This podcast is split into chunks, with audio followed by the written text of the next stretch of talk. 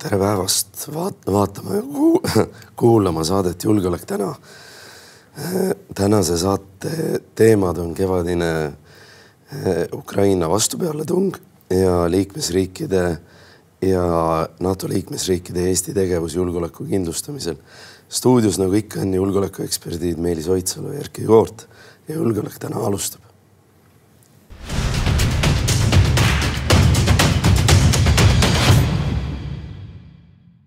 No, no nii, kevadine suur pealetung vähemalt mingisuguse külmetuse näol on minule kätte jõudnud, ma loodan, et saate kuulajad ja vaatajad annavad selle andeks ja ja kui, äh, kui mingil hetkel äh, hääl peaks ära kaduma, pilt veel on, et siis Meelis, äh, sina räägid edasi. sa võid trükkida ka ekraanile ja näidata inimestele. see on hea mõte. aga hakkame pihta kohe selle kevadise suurpealetungiga, millest palju räägitakse, mis Venemaa poolelt väidetavalt on juba alanud Äh, seda, kas ja kuna see Ukraina poolt äh, läheb äh, nii-öelda laivi, seda me täna ei tea.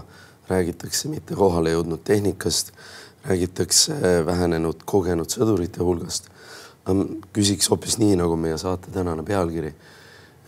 hästi palju räägitakse sellest, kas Bahmutis tuleb see vasturünnak. tegelikult oodati ka ju sügise Hersonis suurt vasturünnakut. see tuli hoopis Harkivis. et äh, kus see Bahmuti mõttes siis see Maginot liin on, kust ukrainlased võiks mööda minna? ukrainlased praegu ise ka debateerivad selle üle, kui mõttekas on hetkel Bahmutis ennast kulutada, see kulutab mõlemat väge.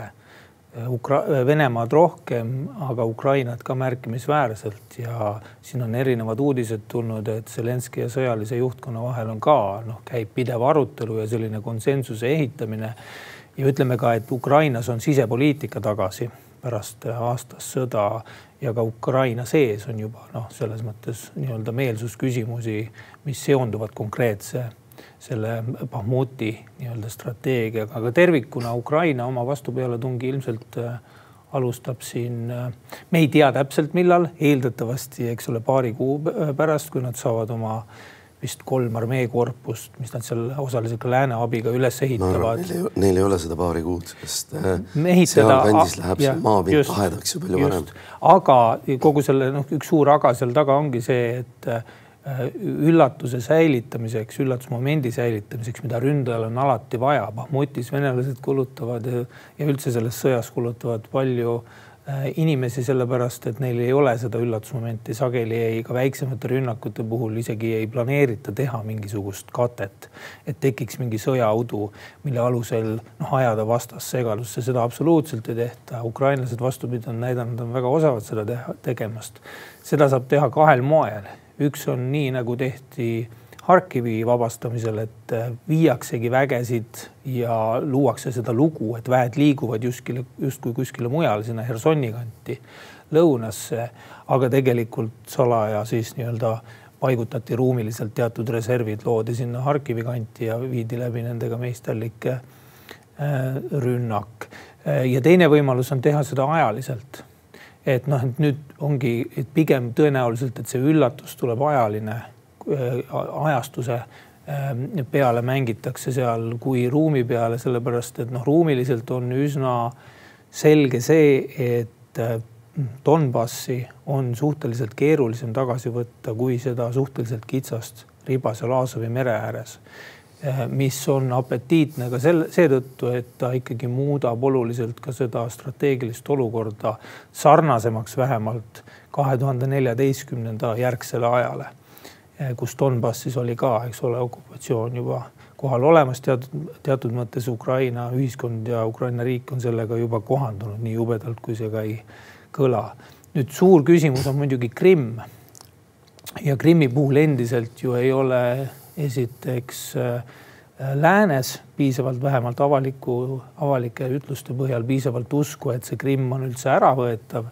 ja kuna igasugu poliitilisi tingimusi selles sõjas luuakse ka lahinguväljal, siis äh, see usk iseenesest mängib hästi suurt rolli. kui USA äh, vägede ülemjuhataja kindral Milley ütleb, et Krimm ei ole võetav, siis äh, noh, väga tõenäoliselt on see sõnum pigem Zelenskile kui kellelegi teisele rahustamiseks, selleks, et siis noh, vältida nende jaoks sellise ebausutava operatsiooni tõttu no ütleme, poliitiliste läbirääkimiste laua taga mingit positsiooni kaotust, see on niikuinii juba natukene siin tekkimas. Hiina on haaranud momentumit, esitleb ennast rahuvahendajana, USA-d esitletakse sõja õhutajana ja ka noh, sellistel nii-öelda momentumitel on oma, oma roll. no kui, kui tõenäoline võib olla see, et äh, Ukraina teeb seda, mida tehti Maginot liiniga ehk äh, minna Venemaa selja taha läbi Venemaa. mis sa sellest arvad? ja ma ise enne saadet siin mõtlesin ka, et äh, noh, Ukrainal, kui ta tahab mingit ruumilist üllatusmomenti saavutada, ainuke reserv või ressurss ongi Vene enda territoorium.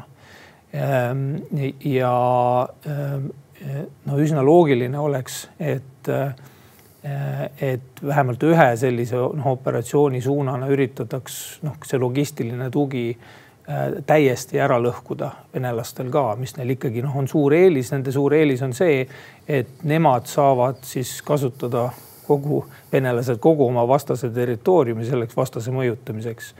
Ukrainal seda teatud noh, poliitiliste piirangute tõttu ka, seda vabadust ei ole, see on hästi suur asümmeetria siin sõjas.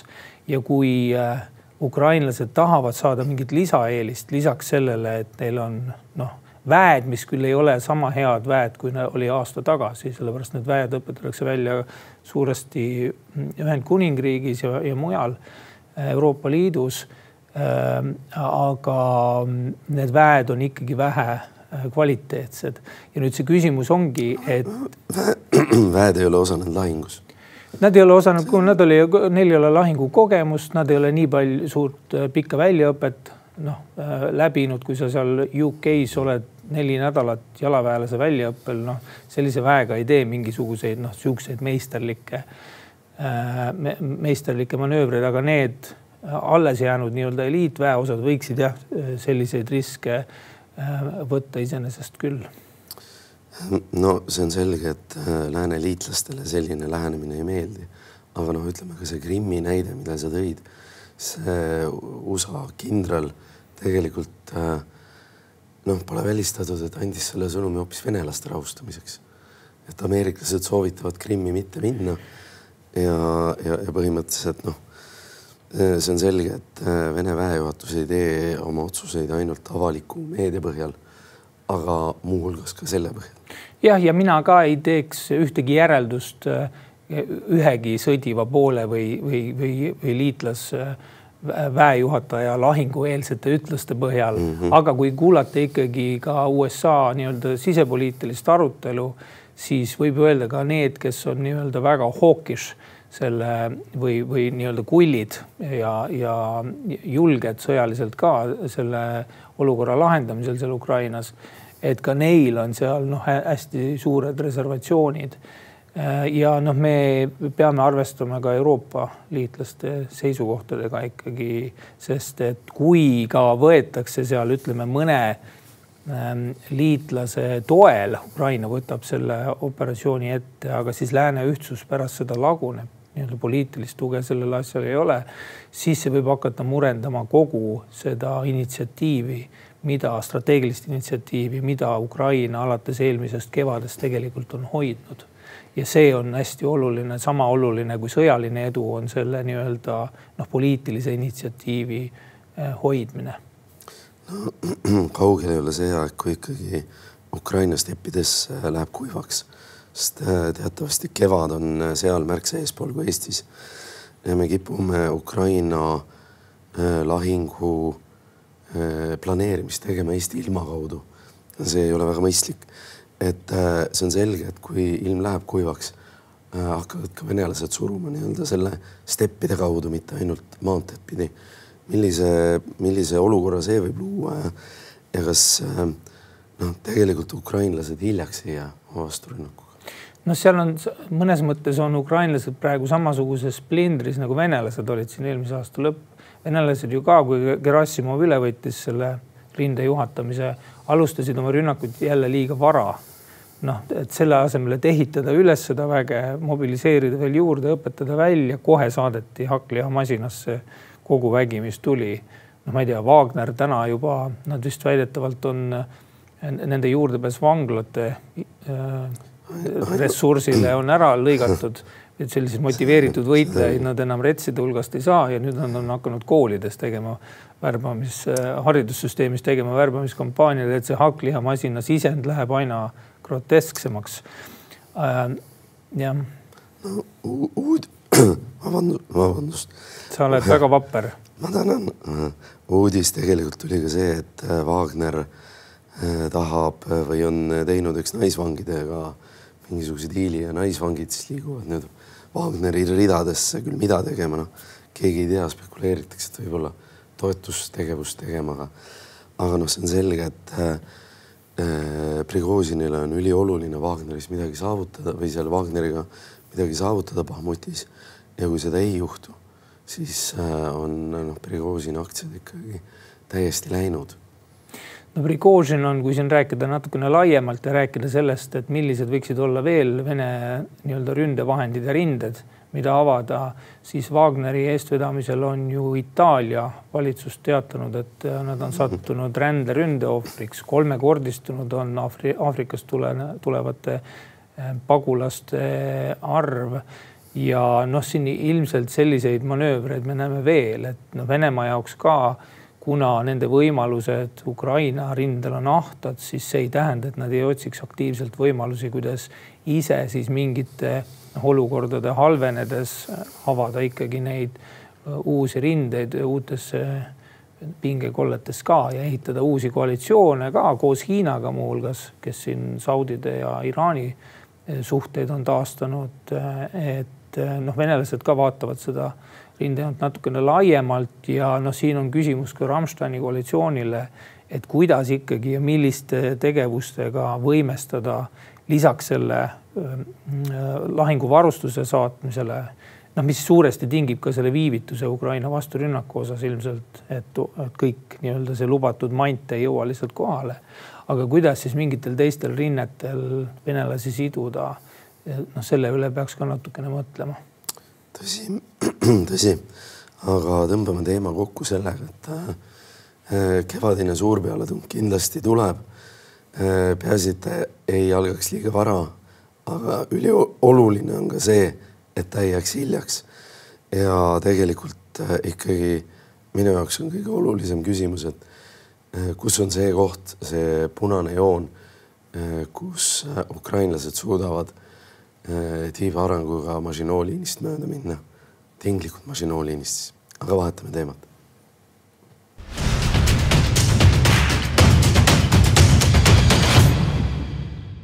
aga meie saate teine teema on see, et äh, üks asi, me vaatame, mida, mis toimub äh, rindel otseselt kuumas kohas, teiselt poolt, mida teevad NATO, Euroopa Liidu liikmesriigid ja sealhulgas Eesti et äh, me oleme eestkõnelejana olnud väga jõuline Euroopas. Äh, seal on äh, kaks küsimust seoses sellega, õigemini kolm. kas see on muutnud asjad lõplikult meile soovitust suunas? kas me ei ole vinti üles keeranud ja kas me oleme kodus kõik asjad ära teinud ja õigesti ära teinud? No viindi ülekeeramisest, kui see, kui me räägime laiemalt NATO valmidusest, et siin põhjust kindlasti rääkida ei ole, sellepärast et see baasolukord oli juba piisavalt nukker. kui kaks tuhat neliteist toimus Krimmi annekteerimine, Donbassi okupatsioon, siis need täiendused, mis saadeti Baltikumi näiteks idatiivale, noh, nad olid suhteliselt sümboolsed. vaatamata nendele täiendustele, mis on tulnud siia üksikute süsteemide näol mis noh, mida ei saa käsitleda ikkagi noh, lahinguvälja mõjutavate võimetena, nad ei ole siia tulnud piisavalt mahus, ei HIMARS-eid ega, ega ka äh, õhutõrjekompleks, mis siia tuli, keskmaa õhutõrjekompleks hispaanlastelt. et äh, ja kui vaadata ka tervikuna, palju on äh, võimeid ja vägesid liigutatud idatiivale lisaks, siis noh, seda on vähem kui kahekordistatud ja noh, ütleme, kuna see baasolukord oli juba piisavalt kehvavõitu, et siis see ka kahekordne kasv tegelikult nagu kvalitatiivselt mingit muutust ei, ei äh, ole toonud. nüüd noh, NATO on suur äh, kolmekümne liikmesriigiga äh, allianss ja loomulikult seal asjad käivad aeglaselt. ja tegelik nii-öelda lakmustest saab olema juunis või juulis, ma ei mäleta, kummas toimuv NATO Vilniuse tippkohtumine, kus me näeme siis ära, et mida tegelikult NATO sellest ähm, sõjast on õppinud. Neid soovitusi on siin juba tulnud sõja aastapäeval ka, kaasa arvatud NATO-le. kavatsen sellest Postimehes ka pikema ülevaate teha. ja kui neid soovitusi vaadata, mis puudutavad noh, eelkõige õppuste Äh, ja arvu ja varude suurendamist, et siis nendes kahes osas ei ole tegelikult midagi olulist toimunud. Saksamaa kuulutas välja siin noh, kui rääkida Euroopa kaitsest, oma selle saja miljardilise sõjapaketi, seda ei ole tegelikult hakatud sisuliselt kulutama. Saksas sees ollakse ka kriitilised, et äh, noh, et, et millal reaalselt midagi toimuma hakkab. me näeme, et sõjatööst, tööstust selle võimet, eriti moona osas, mida on vaja ainuüksi Ukraina vajaduste teenindamiseks, ei ole midagi kvalitatiivselt muutnud, muudetud. Need muudet-, muudatused on ka ütleme sellised noh, hiiresammud, ma ütleks. USA suurendas oma seda nii-öelda laskemoona, haubitsamoona tootmise kapatsiteeti kahekümnele tuhandele kuus. noh, vajadused on Need, need on, need on võib-olla nädalavajadus Ukraina jaoks. et need sammud ei ole olnud piisavalt ja seal on ka teisi õppetunde, mida kindlasti noh, me Vilniuses kuuleme, et, et mida, mida nendega peale hakata. Eestist võime eraldi rääkida. mis, mis on see, mida, mida Eesti Vilniuses tahta võiks? meil on üks suur võimelünk, mida siin ka valimisprogrammides võis näha ühe erakonna äh, kaitsekavas äh, raketikaitse. me peame sellele saama kuidagi mingisuguse vastuse, meil on pretsedendid olemas, me teame, et NATO raketikaitsekilp äh, noh, kaitseb Kesk-Euroopat, et selle laiendamine Baltikumi võiks olla võib-olla üks peamisi tulemusi. Ja teine aspekt, mis on jäänud tähelepanuta nii Ukrainas, kus noh, Mustal merel ikkagi hetkel teatud määral dikteerib olukorda endiselt Venemaa, kuigi ta on enamus oma selliseid ohtlikumaid varasid, kaasatud kiloklassi allveelaevad sealt ära viinud, on äh, meri, Läänemeri, selle operatsioonide juhtimine merega on selles mõttes lihtsam, et merealused teadupärast ujuvad ja nad võivad ujuda, eks ole, ka Põhjamerelt äh, Balti merre. küsimus ei ole selles, küsimus selles, kas meil on olemas ühtne juhtimine selle mereolukorra jaoks ja kas meil on olemas äh, noh, mingisugune plaan, merekaitse plaan tervikuna kõikide Läänemere riikide vahel läbi ka harjutatud. siin erinevad eksperdid ütlevad, et pigem seda ei ole ja ei ole näha, et seda tuleks ka, et need on kaks asja võib-olla noh, mida Eesti lisaks sellele, et minnakse rääkima suuremast kaitsekulust ja kui me vaatame nüüd, mis on aastaga õpitud kaitsekulude osas, siis ega nende riikide arv, kes seda kahte protsentigi täidavad, ei ole märkimisväärselt tõusnud, endiselt kümmekond, nii nagu oli aasta tagasi. Et äh, on selge see, et kui meie ainsana ninast nina, vere välja pingutame ja noh, seda praegu tuleb teha, lihtsalt meie kaitselüngad on ka nii nagu kindral Palm ja kantsler Salm eelmine reede Sakala tänava pressibriifil selgitasid väga suured, me peame oma kodutöö ka ära tegema. aga Eesti-suguse väikse majanduse noh, lisaprotsendipunkt ei too kollektiivkaitsesse nii palju, kui toob seal noh, Saksamaa otsus kasvõi viia kahe protsendini eh, oma kulud. praegu on nad olnud seal ühe koma kolme, ühe koma nelja peal. aga seda ei ole tulnud, seda otsust seda ei ole tulnud, seal ongi see hägune, räägitud on sellest sajast miljardist, keegi ei tea, mis aja peale see on, ehk siis ei ole võimalik isegi arvestada, palju sellest noh, selle kaitsekulu aastasesse arvestusse tuleb. ehk Salm võib naba paigast pingutada, sellest ei muutu tegelikult suurt midagi. muutub nii palju, et äh, juhul, kui su liitlased midagi ei tee siis seda enam peab Eesti ise olema rohkem valmis. me olemegi, me oleme su suurusjärkude osas oleme endiselt aastataguses ajas et kui me räägime lahingupäevadest või Läti kaitseminister siin ütles, et tal on äh, kümme päeva vaja vastu pidada, et siis liitlased tulevad, siis mul tekib küsimus, et no kui see on pikem sõda ja ma ei välistaks pikemat sõda Baltikumis ka, ei ole nii nagu Rand Corporation kunagi kirjutas, et kahe päevaga on läbi ja suhteliselt ühepoolselt läbi. et siis on vaja ka kaks viimast kuud sõjas vastu pidada, mitte ainult paar, paar esimest nädalat. ja selle peale tuleb ka mõelda ja noh, siin me jõuame järgmiste asjadeni, jõuame selleni, mis tegelikult NATO-s tervikuna, eriti idapiiril vajab tähelepanu elanikkonnakaitse, üldse reservide ülesehitamine, mobilisatsioonireservide ülesehitamine, võib-olla suurema hulga riikide mõjutamine et nad läheks üle reservstruktuurile sarnaselt Eestile, sellepärast et muul moel ka noh, suured riigid ei suuda üleval hoida ja. oma. Saksamaa teatas, et nad kaaluvad ajateenistuse taastamist Aja..., taastavad isegi. just ja nad peaks kaaluma ka reservteenistuse taastamist, sellepärast et. Äh, reservteenistuse sa mõtled siis? Ma mõtlen tervikuna ka reservväe komponendi suuruse okay. taastamist, sest et äh, tervikuna lääne, lääne armeede suurus on liiga väike ja mis puudutab õppustesse, siis seni on äh, NATO seni ajaloo kõige suuremad õppused toimunud Arktika rindejoone kaitseks Norras. Seal on kaks põhjust. Norra on esiteks olnud piisavalt aktiivne ja juba kümme aastat nii-öelda neid õppusi välja kaubelnud ja valitsuse tasemel. seda, kui Rootsi teatas NATO-ga liitumisest, mis tegelikult muudab ka Norra jaoks operatsiooniruumi väga-väga palju absoluutselt. isegi rohkem võib-olla kui Baltikumi jaoks. kui Soome ja Rootsi peaks siin lähikümnendil NATO-sse saama, annaks jumal, siis, siis on need muutused sellised, aga NATO prioriteet on olnud õppuste ja valmiduse osas Arktika. Et viimane aeg on see tuua ka idapiirile ja, ja noh, kui tuua neljas teema, mida Vilniusest oleks vaja ära tuua, siis see ongi selge arusaam, et jah, me panustame rohkem õppustesse Baltikumis, aga mitte ainult, ka Balti väed võiksid käia mujal idapiiris äh, liitlastega koos harjutamas, sest meil on, võib tekkida vajadus ka sinna minna operatsioonile. no Rootsi ja, ja, ja Soomega liitudes võib üldse nagu äh, Edward Lukas ütles, saata sinna väikse Eesti alalise väekontingendi, vabandust, segasin. Rootsi ja, ja Soome on kindlasti Vilniuses kohal, selles pole mingit kahtlust. Äh, kuigi nad sel ajal ilmselt ei ole veel NATO täisliikmed Äh, aga noh, tegelikult on see, et äh, üks moment võib tekkida selline kummaline olukord, kus Venemaa on oma sõjaliselt vere eest piisavalt tühjaks jooksnud, Türgi vindi piisavalt üle keeranud, et Soome ja Rootsi ei soovigi sellel kümnendil NATO-sse saada.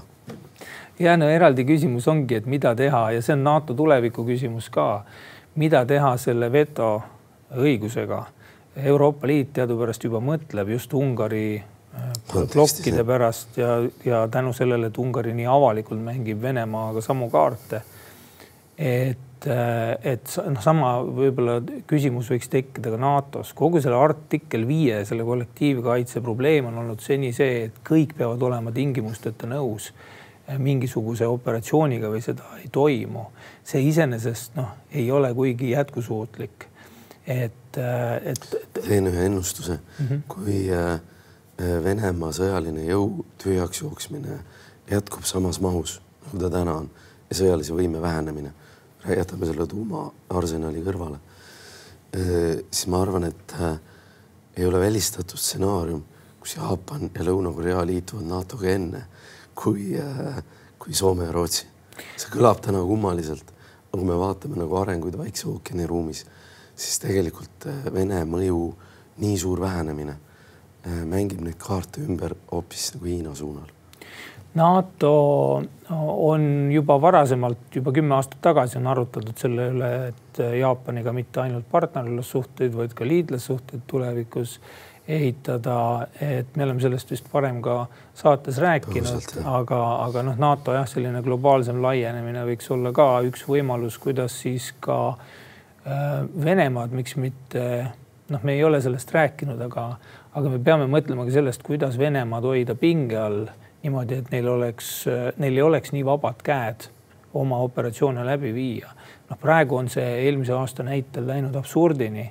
Venemaa ei karda NATO-t, NATO ütles, et midagi karta ei ole teil meilt ja on kõik oma väed ära viinud piiri äärest ja suutnud need mobiliseerida küll noh, selles mõttes soodsalt meie jaoks soodsate tulemustega mobiliseerida Ukrainasse. aga, aga tervikuna see paljastab ka selle vajaduse, et kui NATO kaotab oma ohtlikkuse, sõjalise ohtlikkuse Venemaa jaoks ja kui me ei tule välja sellest mantrist, mantrast, et noh, tuumariigid omavahel ei sõdi et siis äh, midagi jääb justkui puudu kogu sellest noh, NATO kollektiivkaitselepingu vaimust ja selle usutavusest ka. räägime veel korra, sa puudutasid seda merekomponenti. tegelikult selle äh, Läänemere ruumis on minu arust on, äh, on Lääne või see Balti mere laevastik on ainus, mille lipulaev ei ole iroonilisel kombel Moskva sõsarlaev see Moskva, mis siis põhja läks Mustal merel, Vaikse ookeani laevastiku, Põhja-Jäämere laevastiku lipulaev on Moskva sõsarlaev. üks on Varjag ja teine, ma ei suuda praegu meenutada, pole ka tähtis. Äh, sellel nädalal oli uudis, et äh, esiteks Venemaa vaatab sõjalise võime kasvatamisel tütarsaarel, nad said, eks Soome äh, käest siis nende talve jätkusõdade tulemusena Äh, nad on seda kogu aeg militariseerinud, see on tõsi, natuke nagu Ussisaar äh, seal äh, Mustal merel. samas seal on kahe kuni kahe tuhandendateni oli see suhteliselt vähem militariseeritud. peale seda hakati sinna nii radarisüsteeme kui, kui ka relvasüsteeme viima.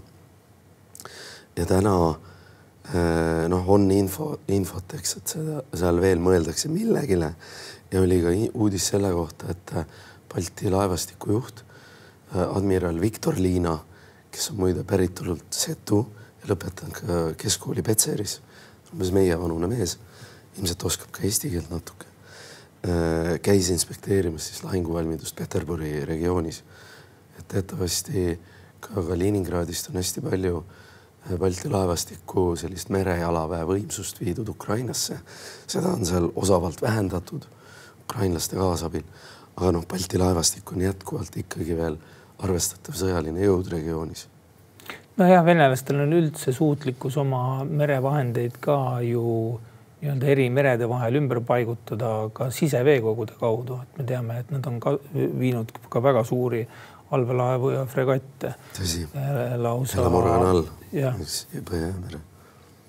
et äh, see on tõsi, aga, aga noh, siin on räägitud ka äh, Eesti siis pensioneerunud kindralid ja admiralid, et Eesti vajaks sellist veealust sonarite süsteemi selleks, et tuvastada seda allveelaevade mm, võimalikku siis siinkäimist. Noh, meenutagem seda, et meil on ka piir välja ehitamata jätkuvalt. et, et võib-olla, võib-olla siin, kui on räägitud ka, et laevaraketid või laevavastased raketid on äh, mingis etapis palju parem lahendus kui veealuse äh, sonarite süsteemi väljaehitamine. jah, ja tõrjevahendina noh, Ukraina sõda on näidanud, et nii merel kui maal on ka miinid oluline ressurss, et me andsime enda tankitõrjemiinid suuresti ära Ukrainale, need olid tõsi vanad ka juba, pidigi ära kasutama aga. parim enne oli möödas, aga kõlblik kuni polnud veel saabunud. aga, aga miinisõda, kui rääkida piirikaitsest ka, siis igasugune miinisõda noh, kindlasti on üks asi, mida noh, NATO tervikuna peab ka üle vaatama oma Venemaaga piirnevatel aladel. tõsi ta on, aga kui võtta veel ka koalitsiooni läbirääkimised korraks, eh, mis sulle silma on jäänud veel sellist, mis võib-olla ei ole meil varasemalt saatest läbi käinud, et me eelmine saade pühendasime sellele nädal on mööda läinud, mis on veel nagu sellist äh, äh selle temperatuuri muutust nagu tekkinud? samal päeval, eelmine reede, kui Salm ja Palm pidasid oma pressikonverentsi ja ilmselt see ei olnud ka kokkusattumus, et nad just äh, tavalise äh, sellel päeval, kui Stenbocki majas koalitsioonikõnelejad rääkisid oma julgeolekuaruteludest, selle, selle, selle nii-öelda pressikonverentsi tegid, siis äh, neid nagu konverentse võrreldes paistis silma noh, ühe siis sõjamehe ja kaitseametniku selline nii-öelda mobiliseeriv toon, et ja, ja just ajalist urgentsust või kiireloomulisust eh, rõhutav selline hoiak ja siis ikkagi selle koalitsiooni seltskonna nagu mulle tundub suhteliselt nagu valimisprogrammide kõige madalamate ühisnimetajate põhiselt selle kaitseprogrammi kokkupanekut ja endiselt ei näinud mingit sära ühegi inimese silmis, kes oleks rääkinud elanikkonnakaitsest ja noh, selle tsiviilühiskonna valmisolekust ja see on ka minu jaoks nagu murekoht. mis sa arvad, kas see momentum on mõnes mõttes mööda läinud? Ma arvan, seda momentumit äh, on vaja sättida, Reformierakond ka eelmine kevad näitas, et neid oli vaja veenda teatud arenduste osas ja teatud nii-öelda rahastuspakettide osas, see ei ole nii, et äh, Kaja Kallas on juhtinud Eesti relvastamist, pigem on see olnud niimoodi, et Kaja Kallas on võtnud aja ja noh, ka mänginud, mänginud, süvenenud, aga ka mänginud ennast sellisesse olukorda, kus ta avalikult on natukene surve alla jäänud, aga siis teinud ikkagi otsust, otsuse ära. see ei ole ilmtingimata halva valitsemise tunnus. aga selle põhjal või selle mustri põhjal võib öelda, et see praegune meeleolu ei tähenda, et uus koalitsioon, kui nad lõpuks noh, kõik asjad koos rahadega uuesti läbi vaatavad, et nad siiski ei sihi natukene kõrgemale, sellepärast et äh, sõda, nii nagu on seda ka varem öeldud, Eesti jaoks on sõda alati eksistentsiaalne kriis. noh, erinevalt näiteks USA jaoks, kes on siin viimastel aastakümnetel kogu aeg olnud äh, äh, sõjas ja noh, nuusanud selle peale, isegi kui see sõda maksab kaks koma kolm triljonit dollarit, nii nagu maksis Afganistani avantüür. Äh, et meie jaoks on ta alati eksistentsiaalne kriis, kui seal toimub ka kraadi võrra selle kriisi tõenäolise tõenäolisuse kasv, siis me peame noh, tõsisemalt selleks valmistuma ja raha saame hetkel juurde laenata, aega juurde laenata ei ole võimalik, et noh, need kaks mõõdet, lisaks rahale tuleb ka see ajamõõde võtta ikkagi äh, silme ette nende otsuste tegemisel. korra, korra tooks veel selle elemendi sisse, et kui äh, me räägime Äh, Ukrainas on äh, tagasi sisepoliitika. tegelikult ka Euroopa partnerite hulgas on teatud sõjaväsimust märgata. ühiskonnad ei ole enam võib-olla nii ühtsed. Äh, mis sina arvad, ma lihtsalt ütlen oma arvamuse välja, et minu arust me peame sel kevadel vaatama väga täpselt ja püüdma tunnetada seda, kus me riigina võime vindi üle keerata ja kus mitte sest kui me oma äh, suured partnerid no, vindi ülekeeramisega, ma ei saa öelda ära pahandame, see on vale, vale termin, aga enda suhtes negatiivselt häälestame, siis ka see ei ole meie huvides, ma olen kaugel sellest, et arvata, et me ei peaks olema eestkõneleja või me ei peaks rääkima või me ei peaks välja ütlema, et kuningas on alasti. aga noh, kusagilt tekib alati see küsimus, et, et kui palju Äh, kui palju äh, vinti peale keerates on veel tulemus saavutatav ja kuskohast see tegelikult libiseb käest? no selles mõttes seda, et me selle nõudmist, et äh, läänel oleks mingi ühtne eesmärk, mis viiks usutava rahuni, seda ei saa mingil tingimusel pidada vindi üle, ülekeeramiseks. kas selle usutava ja, ja Ukraina jaoks aktsepteeritava rahuni, mis ka kestab, kas selle jaoks läheb vaja noh, veel täiendavat äh, sõjalist agressiivsust või mingeid muid meetmeid, see on juba strateegia küsimus. aga noh, tervikuna sellist nõudlikkust kindlasti tuleb äh, üleval hoida. kui nüüd rääkida natukene eelmise aasta kogemusest, kui Ukraina hakkas tagasi võtma alasid, siis oli selge see, et nad oleksid jõudnud palju kaugemale oma tagasivallutustega, kui neil oleks olnud noh, need äh, võimed, mida nad tegelikult küsisid ja mis viibisid. ja nüüd on, nüüd on huvitav näha, kas Lääs kordab sama viga. Äh, sest noh, me ei tea ka lõpuni kõikidest relvatarnetest ilmselt äh, Ukrainasse, ilmselt ma loodan, et ka see on selle nii-öelda venelasi tabava üllatuse osa. aga kui see, kui ka seal nähtub ikkagi, et me tegime ära pool võrrandit ja seetõttu jäi otsustav läbimurre saavutamata, siis on see sügisene talvine ja järgmine, järgmise talve olukord juba hoopis teine. meeleolud on teised, sest äh, noh, Bahmuti alla ka Zelenskõi ilmselt tahab panna nii palju, ohverdada oma ressurssi sellepärast, et on hädavajalik, et oleks arusaam, et äh, Ukraina käes on initsiatiiv ja et see eelmise aasta peamine õppetund meie kõigi jaoks, et Vene agressioon on võidetav ja nii-öelda venelastel on võimalik suhteliselt lihtsalt naha peale anda. et sellest õppetu-, et me seda õppetundi ei unustaks, vaid nagu siis realiseeriks selle ära kuidagi. alati ei ole vaja, vaja seda drooni, mille, vabandust, mille äh, venelased alla kukutasid Musta mere kohal. mõnikord äh, piisab sellisest laiatarbedroonist, millega okupantidele granaate pähe kukutada. aga tõmbame saate kokku, et äh, loomulikult on oluline jälgida seda Ukraina sündmusi, anda ukrainlastele abi, äh, et nad saaksid ära teha oma rehkenduse, aga nii NATO kui Euroopa Liidu kui Eestina me ei tohi ära unustada oma rehkendust. aga suur tänu vaatamast, kuulamast, vaadake, et kevadilm külmetusena teid kätte ei saa, hoidke tervist ja, Eh, é, power.